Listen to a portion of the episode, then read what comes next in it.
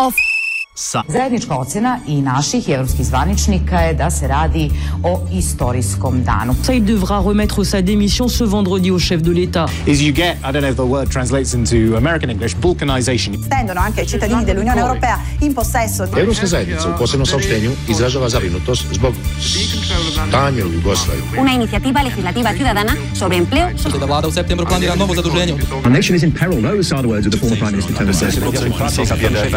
Blair. Verteilung von Flüchtlingskontingenten. I see Central base opening up for rise in the center of Europe today. Off. Side. Kdo se boji Georgea Soroša?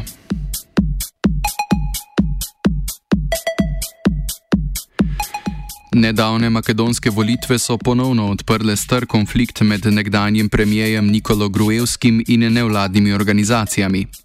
V soboto je Grujevski, katerega stranka VRMO DPMNE je po trenutnem rezultatu zmagovalka parlamentarnih volitev, makedonske nevladne organizacije in tuje veleposlanike javno obtožil, da se umešavajo v volivni postopek. Še predtem je prejšnji četrtek davčni urad razglasil, da bo v nevladne organizacije, predvsem pa v Zavod za odprto družbo Makedonije, ki ga finančno vzdržuje George Soros, poslal inšpektorje na domnevni redni finančni pregled. V nedeljo se v Makedoniji namreč obeta ponovno glasovanje na enem volišču, kjer je volivna komisija ugotovila nepravilnosti pri glasovanju. Te ponovljene volitve bi lahko spremenile razmerje parlamentarnih sedežev med koalicijsko VMRO DPMNE in opozicijo SDSM, v katerem je trenutno razlika le en stolček.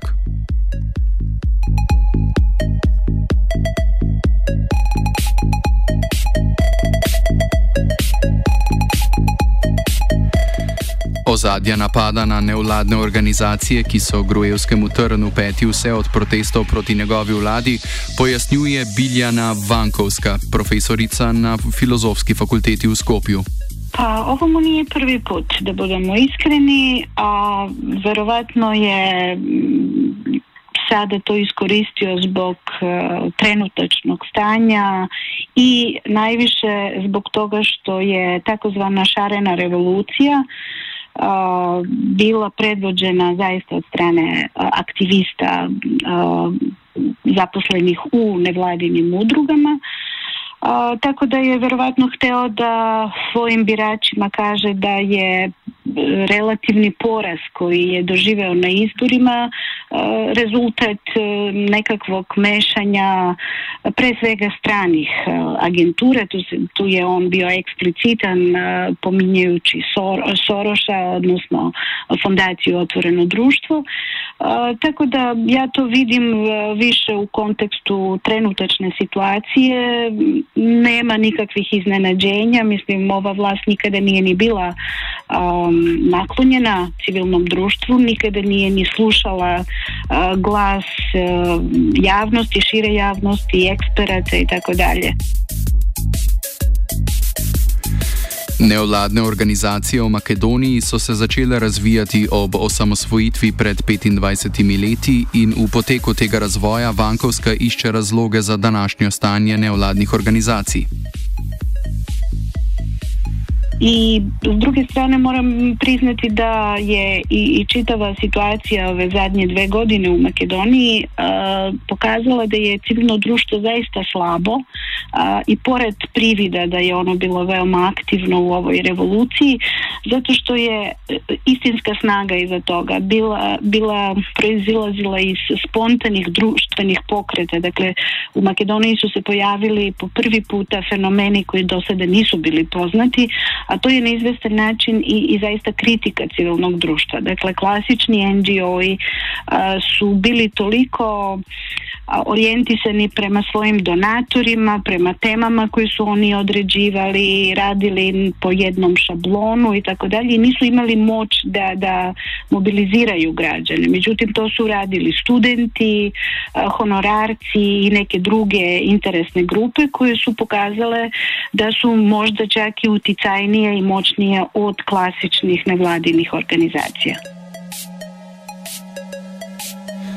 Nevladne organizacije so danes predvsem pod okriljem Soroševega zavoda za odprto družbo, kar pa poleg kritik Grojevskega vzbuja pomislike tudi pri aktivistih zunaj Soroševe organizacije, komentira Adela Georgioska. Primarily people who have finished uh, their education in the social sciences, politics, law, they end up in the NGO, NGO sector because it's either you work uh, in pro in uh, in party influenced, uh, let's say, public administration, you work in the private sector, which is very, very precarious, uh, a lot of exploitation, or you work you, you work in an NGO, or the fourth option is you leave the country. Now, with the with the NGO, what this is achieving is actually you have a professionalization of activism. You don't have activists that are, um, you know, uh, that are kind of developing, for instance, uh, a trade union within the software firm where they're working as programmers. You don't have, uh, you know, grassroots development of some sort of active uh, resistance against. Um, you know wherever let's say the the working environment is instead you have these ngos which are providing a critique which is usually along the lines of anti-corruption rule of law democracy without without actually questioning uh, the, the, wider neoliberal he- hegemony and and they're using this in a very professionalized form. Now, what that achieved in the past two years with the um, uh, with how that, let's say, manifested itself in the past two years of uh, uh, when we had two waves of large protests, is that you had uh, you have these professional uh, liberal NGOs being able to sustain their activism in a longer period, for instance, than left uh, groups, because uh, the former have the funding available to to finance this, and uh, you know it is part of your job to maybe write a uh, you know some sort of article uh, which is criticizing Gruevski's regime, whereas uh, someone from the left who is not a member of the NGO and has a job in a let's say a private firm or uh, something else has a different means of finance has to do this in their free time. Sorošev zavod za odprto družbo v Makedoniji poleg financiranja nevladnih organizacij podpira tudi nekatere opozicijske medije, zaradi česar je Grojevski tudi napovedal tako imenovano desorošizacijo Makedonije. O kompleksnosti vloge zavoda za odprto družbo v Makedoniji razglablja Vankovska. Istina je u tome da fondacija Otvoreno društvo ima zaista respektabilan budžet. E, dakle, ima dosta, dosta novca, pomaže puno e, opozicijske medijume, zato što nam je e, stanje takvo da je država slaba, da je, da je jednostavno ne postoje nikakvi drugi izvori za finansiranje civilnog društva i sada dolazi ova jedna moćna fondacija koja godinama ja moram moram priznati da to nije opet ništa novo zato što je Sorošova fondacija aktivna 25 godina, dakle još od početka uspostavljanja nezavisnosti i, i od uvek je raspolagala dosta velikim budžetom. E sada što se tiče političkih implikacija, involviranja u ovim međustranačkim okršajima, i to nije nova stvar, zato što je dugogodišnji predsjednik fondacije, profesor Milčin, zaista bio i član izvršnog odbora Socijaldemokratskog saveza, dakle spajao u sebi i, i partijsku i ovu nevladinu funkciju, tako da su te veze zaista dugo, dugo trajne i, gledano unazad nisu, nisu ništa novo. Tako da je, kažem, Grujevski jednostavno iskoristio trenutak da se pozove na neke stvari koje postoje dugo vremena. S druge strane, naravno, do toga ne bi ni došlo da je država e, uspostavila nekakav mehanizam za finansiranje e, civilnog društva na, na samostalnim osnovama, tako da je sad, da su sve ove udruge jednostavno okrenute prema vani da bi uopšte mogle egzistirati. Govorimo o povezavah med opozicijskimi socialnimi demokrati in nevladnimi organizacijami, ki se financirajo iz tujine, pravzaprav ne smemo biti presenečeni nad povezavo. Tako kot makedonska SDSM, tudi Zavod za odprto družbo podpira tako imenovane liberalne vrednote. Zato ne čudi, da so se na tokratnih volitvah nekateri aktivisti iz nevladnega sektorja znašli na volilnih listah SDSM. Več Georgioska. There are two prominent activists who were, you know, very vocal in their uh, protesting in the past. Um, in, in, in the spring's wave of, of protests, and they appeared on an electoral ballot uh, on on the electoral list of the Social Democrats. Um, so, and you know, it, it is it is not to say that they are not uh, uh genuine in their fights for social justice and for democracy and the rule of law, but just to demonstrate how close the link is between um, between uh, the opposition party, the Social Democrats, and uh, and this um, liberal NGO. Grujevski je napovedal, da se njegova stranka ne misli udeležiti ponovnih volitev v Gostivarju, kjer je na zadnje dosegel približno 300 glasov več kot SDSM, v nedeljo pa se razmerje lahko obrne v prid do sedaj največje opozicijske stranke in povzroči izenačitev števila sedežev obeh strank v parlamentu. Zakaj se nekdani premijer noče spopasti še enkrat, pojasnjuje Vankovska.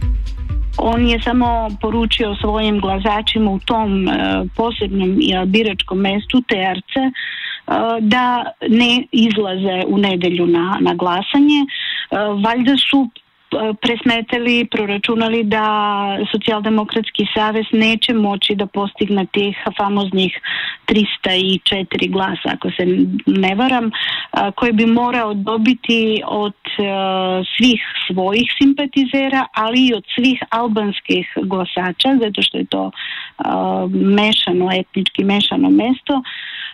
Valjda je Grujevski procenio da, da će na taj način osujetiti nameru Socijaldemokratskog saveza da mu oduzme jedan mandat i, i da ga pridoda svojim mandatima. Nedeljskim rezultatom na vkljub pa je prihodnost nevladnih organizacij, tako tistih pod okriljem Sorošovega zavoda, predvsem pa tistih, ki delujejo neodvisno, negotova. Morebitna ponovna zmaga stranke Grujevskega, ki je obračun z nevladnimi organizacijami nakazal že te dni, skrbi Georgiosko.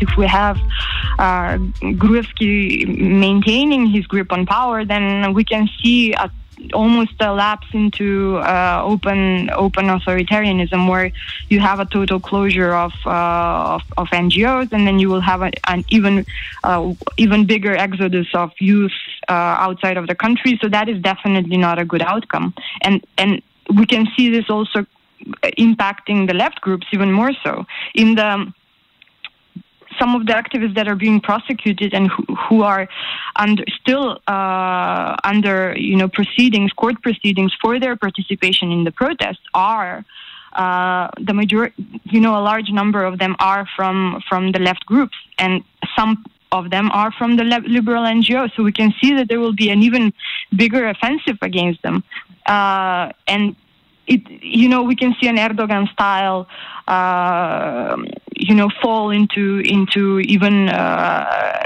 smaller and smaller spaces for for activism, uh, which is really really worrying. Vankovska v svojem komentarju zaključuje. Dodala bi da, da je onaj govor Grujevskog koji je izazvao zaista veliko interesovanje i u zemlji, a i izvan zemlje, i ovih me dana puno novinara pitaju sa strane šta je u stvari on hteo da poruči. Mislim da mu se pridaje prevelikog značaja. On je taj govor, ma kako on zvučao vani, ipak uputio svojim glasačima. On je bivši premijer, on je čovjek koji je morao odstupiti od premijerske pozicije zbog sporazuma u Pržinu, dakle posredstvom međunarodne zajednice. On je kapitulirao po svim osnovama. Jedva je zadržao nekakvu većinu mandata, bar kako stvari stoje u ovom konkretnom trenutku. Ne znamo da li će to tako biti i do kraja, ali ipak je ono tanka neka većina. Dakle, on je čovjek koji u, u ovom trenutku ne zna da li, da li je dobio izbore, da li bi i, i čak i u tom slučaju da, da formira VMRO je vladu, on biti mandatar ili će možda sa strane insistirati da on odstupi ili će možda za neko dogledno vrijeme biti političar koji će ići u zatvor, recimo ukoliko sudski slučajevi pokažu da postoji krivica i, i to potvrde da sudu. Dakle, u takvom jednom haotičnom stanju on je održao nekakav strastven politi, e, partijski i, i patriotski govor u kome je pokazao snagu i nameru da se reši spoljnih uticaja, međutim on nije čovjek koji je u, u poziciji da bilo šta od toga realizuje. Tako da je sve to dimna zavesa i ne mislim da, da mu treba pridavati tolikog značaja. Offside je pripravila vajenka Neja.